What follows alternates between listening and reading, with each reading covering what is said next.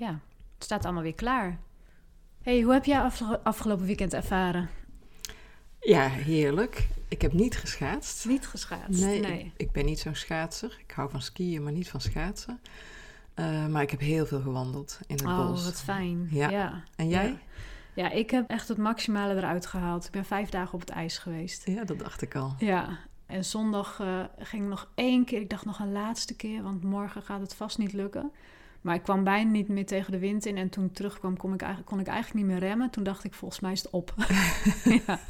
Voordat je er doorheen zakt. ja, inderdaad. Ja, het was echt, echt magisch. Ja, natuurlijk ook omdat wij zo vanuit onze tuin op het ijs kunnen stappen. Ja, dus dat is precies. eh, ultiem genieten. Ja, En voor het eerst met de kinderen ook, dat ik het zo eh, meegemaakt heb. En dat was, ja, dat is ook bijzonder. ja, ja. Ja, mooi. Mooi om dat samen te doen. ja dus eh, nou ja, dat is alweer geweest. Het gaat hard met het dooien. Mhm. Het wordt lente. Ja, ik heb daar zin in ook trouwens. Heb jij, ehm, wat heb je voorbereid? Ik weet dat je wat voorbereid hebt. Ik ben benieuwd. Welkom bij de LFK podcast, waarin Helma de Hollander, dat ben ik, in gesprek gaat met Yveske Mets, de oprichter en creative director van LFK Magazine. Met elkaar praten we door over een artikel uit onze laatste editie. Ik heb voor deze aflevering eh, me laten inspireren door het gesprek dat eh, schrijfster Hanna Aukes heeft gehad met Koen van Hensbergen. Koen die is theatermaker, theaterdocent volgens mij en regisseur, maar hij is ook schrijver. En eh, hij werkt nou ja, veel met mensen en, en met drukte. En hij was eigenlijk op zoek naar een manier hoe hij ook zijn schrijverschap voeding kan geven. Want ja, om daar niet aan voorbij te gaan. En Koen heeft een eh, oude schaftkeet aangeschaft. Die heeft hij tot schrijfparadijs, zoals hij dat zelf noemt, eh, omgebouwd. Hij heeft daar een klein keukentje, een houtkachel en een eh, tafel en een stoel in gezet. En that's it. Ja, heel eenvoudig hè? Ja, echt heel eenvoudig. Weinig prikkels. Daar heeft hij echt heel bewust voor gekozen. Die keten die, plaatst hij op verschillende plekken in de natuur. En eh, daar gaat hij met eh, regelmaat, ik geloof zo één, twee keer per week, eh, gaat hij daarheen om, eh, ja, om zich onder te dompelen in de stilte. Om daar te kunnen creëren. En dat, ja, ik vond dat, vind dat zo mooi gegeven. Het is een heel mooi gesprek wat, wat Hanna heeft gevoerd. Een mooi artikel geworden. Ook heel mooi geïllustreerd door Bianca van Houten, onze fotograaf. Ja. Zij laat in de beelden ook prachtig de stilte zien. Ja, waar ik met jou over wil praten is hoe jij de stilte opzoekt. In je werk en in je leven. In je werk als maker. Maar ook in je leven in het algemeen. Nog even over Koen. Het lijkt me zo ontzettend bijzonder om zoiets te kunnen doen. En ook zo'n eh, mobiele plek voor jezelf gecreëerd te hebben. Dat, dat het mag, dat er ook, nou ja, ik denk Staatsbosbeheer of wat ook, daar toestemming voor geeft. Dat hij Ja. het op plekken mag zetten. Ja, hij stond op de Veluwe, geloof Ja. ik ook, hè? Ja, Ja, en ja, dat je dan zo, zo iets moois voor jezelf gecreëerd hebt om daar te kunnen creëren. Ja, ja. ik heb daar, daar heb ik heel veel bewondering voor. En dan terugkomen op jouw vraag hoe ik de stilte opzoek. Ehm, ja, heel verschillend. Bij mij komt het veel in buiten zijn. Ik denk dat buiten zijn voor mij wel de meest makkelijke manier is om de stilte op te zoeken. ja, in de natuur. Ja, in de natuur. En nou, niet per se direct ook in de natuur. Al ga ik hier een blokje om door de straten, dat helpt al om de stilte in mijn hoofd te krijgen. Omdat ik dan kijk wat er gebeurt. Of ik heb wel eens een spelletje met jaren ook. Dan lopen we buiten en dan gaan we tuinen beoordelen. gaan we cijfers geven of te zeggen wat we wel en niet mooi vinden. En in wat voor vorm is dat stilte voor jou? Dan is het vooral omdat het dan in mijn hoofd niet doorgaat. Ik ben altijd aan het denken, nadenken over, nou ja, LFK ook heel veel. Mhm. Maar ook over mezelf, over mijn eigen proces of dingen die ik meemaak. En dan wil ik dat analyseren. En als ik dan buiten ben, alleen of met jaren, dan komt daar een ruimte voor niks of voor aandacht. Aandacht voor jaren in dit geval. En dat is dan een Mhm. hele mooie combinatie, omdat ik en lekker buiten ben en samen met haar ben. Mhm. En dat is voor mij wel echt een vorm van stilte. Ja, Een onderbreking van de stroom aan gedachten en ideeën. ja, kan ik me voorstellen. Je hebt me ook een keer verteld dat je het water opgaat eh Ja, heel graag. om de stilte te Ja. vinden. Ja, dat doe ik echt heel graag. Nu, afgelopen weekend was het natuurlijk met schaatsen. Ja, Dat gebeurt bijna nooit. En toen wij aan het schaatsen waren, toen gingen we hier naar de overkant en daar zit een rietkraag. En de wind kwam ook van die kant, dus, de, dus we stonden in de luwte. Maar ook doordat we omringd werden door riet, viel al het geluid weg. Oh ja. En toen stond ik daar met iemand en toen zei ik van... nu voelt het net alsof ik aan het suppen ben. Omdat ik dan dezelfde ervaring heb. Nu waren er dan heel veel mensen op het ijs. Maar als ik aan het suppen ben, en vooral in deze tijd... ben ik vrijwel de enige op het water. Ja, want jij subt gewoon door in de winter. Ja, Dat vond ik zo mooi. Ja. Zo bijzonder. ja, dat komt omdat ik nu wat meer ervaring heb. En omdat voor mij is dat wel de ultieme vorm om de stilte op te zoeken. Het alleen zijn op het water.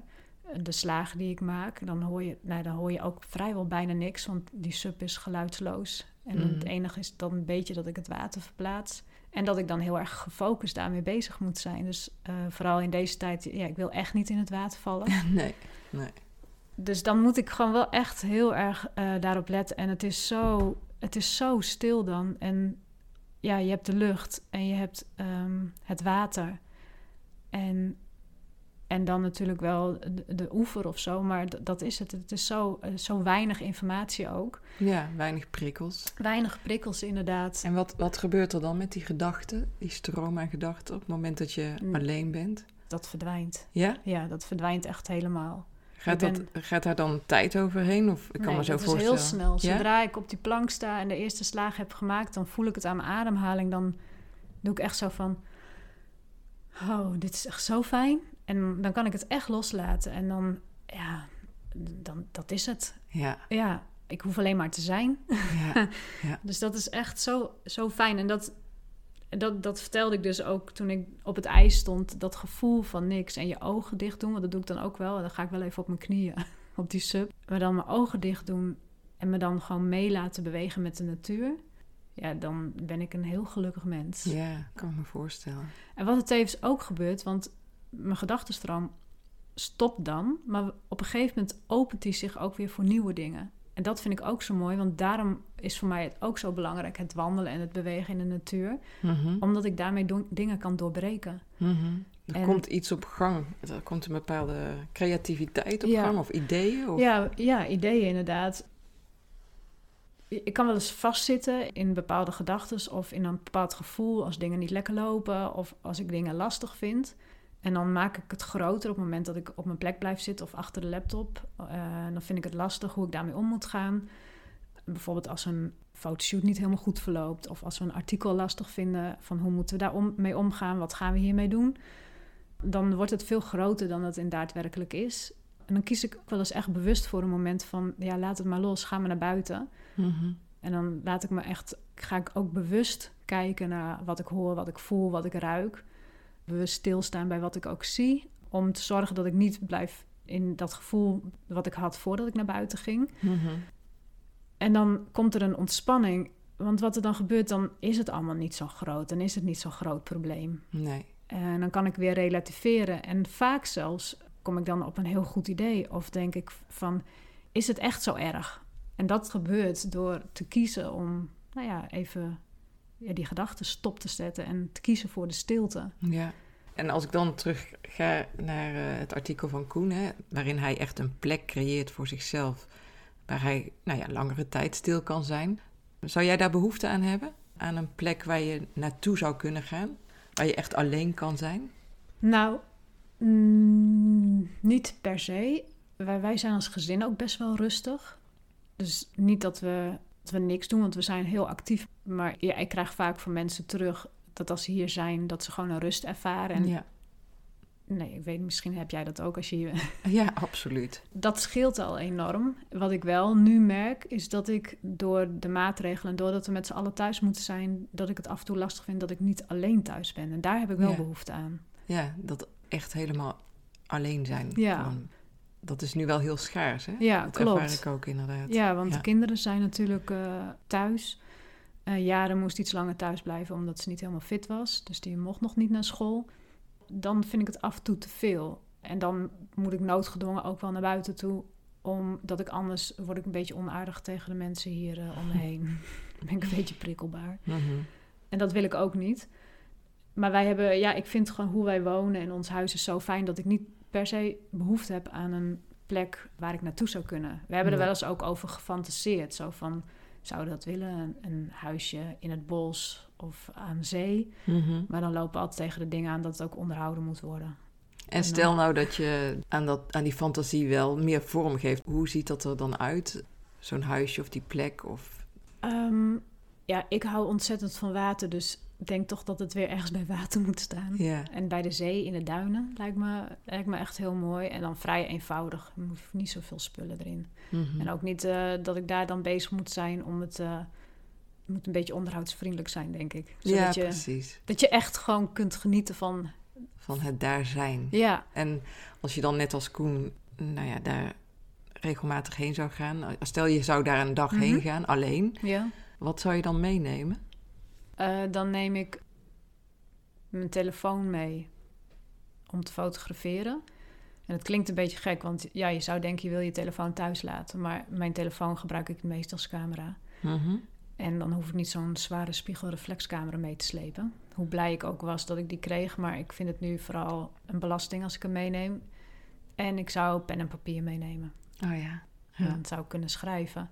Schrijven. Is dat het eerste wat, gevoel wat bij je opkomt om te schrijven? Ja, ik mag heel graag schrijven en dan kom ik nu gewoon helemaal niet aan toe. Nu iedereen hier thuis is. Ik schrijf trouwens het meeste wanneer de- als, als ik in de tuin kan zitten, dus buiten. Mhm. Met mooi weer, dan begin ik altijd vaak alweer te schrijven.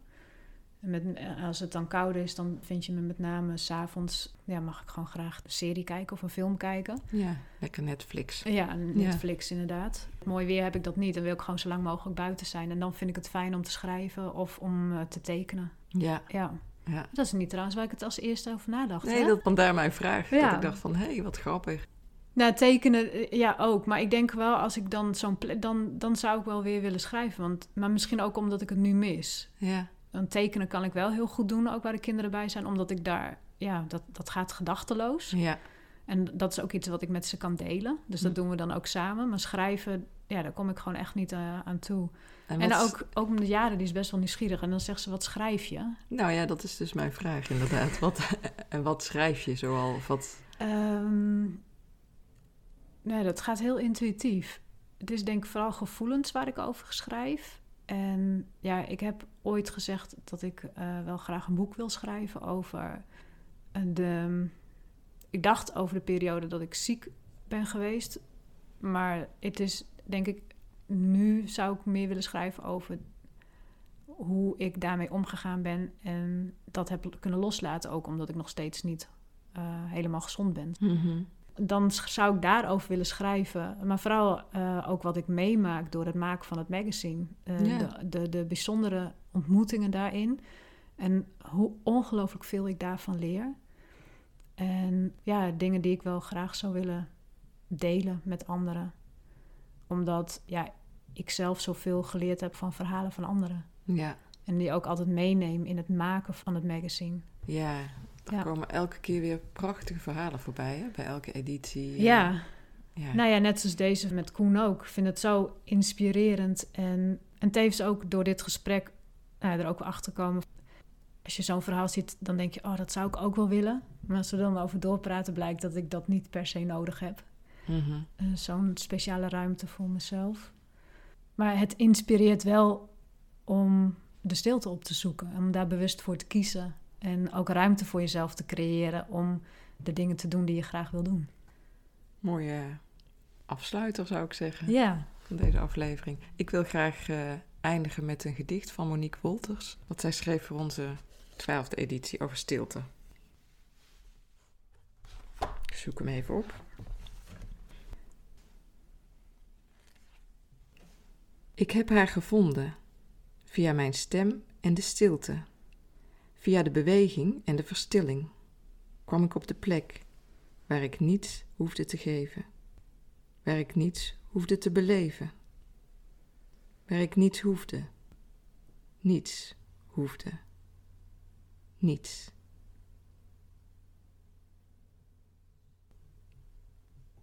Dankjewel voor het luisteren. We hopen dat je het leuk vond. Kijk voor meer informatie over ons werk op 11kmagazine.nl of op ons Instagram-account.